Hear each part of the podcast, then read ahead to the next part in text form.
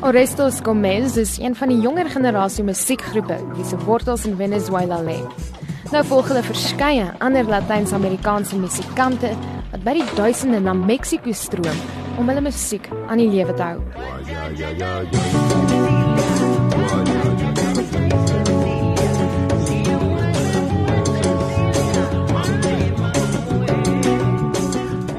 Mexiko word beskou as die sogenaamde Mekka van Latyns-Amerikaanse musiek. Daar aangekom moet uiters gewilde musiekgroepe uit Venezuela egter van voor af begin namaak. En omdat die Meksikaanse mark oorweldig word, is die kans op sukses skraal.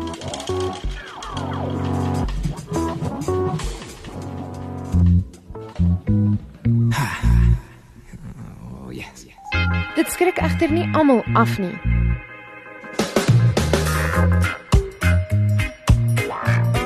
Jongelinge soos Ravayana kry dit reeds reg om aandag te trek. El control cuando este flow hace que muevas el esqueleto. Mosca no te. Daar is kenners wat nou meen dat jong musikante uit Venezuela herinner aan musiekbewegings tydens eras van politieke onderdrukking in Latyns-Amerikaanse lande soos Brasilië en Argentinië.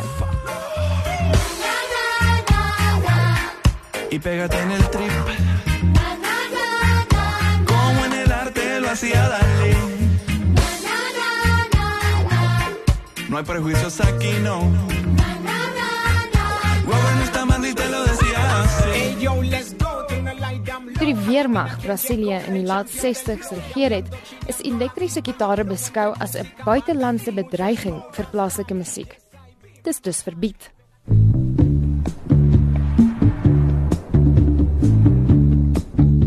die musiekgroepe Os Mutantes min geskeel.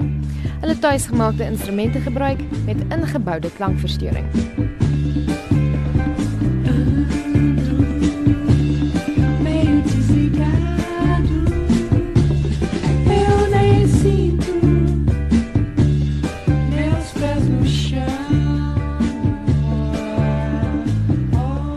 In Argentinië het 'n nuwe genre, rock nasionaal, ontstaan tydens die militêre regime tussen 1976 en 1983. Intussen duur die stryd voort vir musikante uit Venezuela. In Caracas het die musiekgroep Los Mesoneros die Alfredo Sadal pleine tydens konserte volgemaak.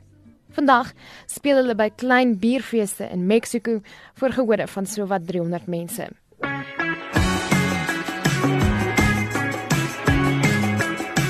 Volgens is dit egter net 'n kwessie van tyd en geduld.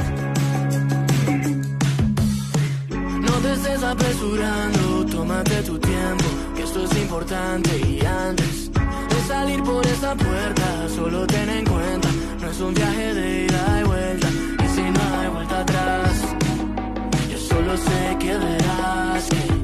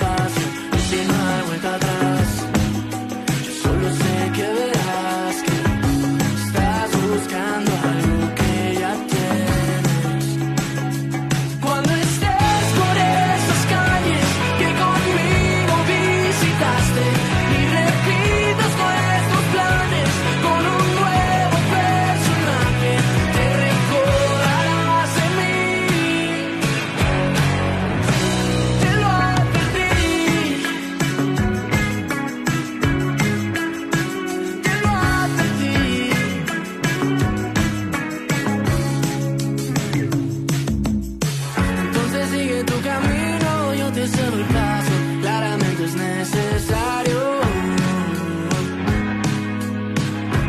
Es que yo te dé un espacio, y si no hay vuelta atrás, yo solo sé que verás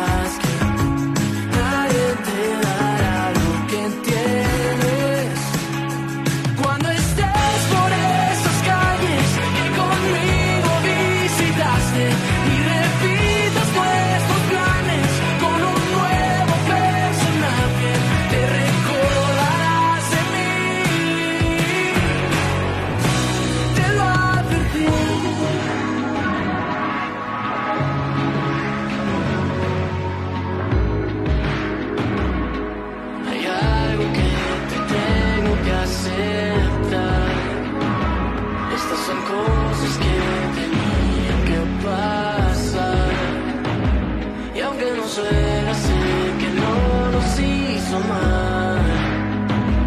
puedo negar que solo espero que estas calles sean nuestras y más nadie. Que repitamos nuestros planes siendo nuevos personajes. Te recuerdo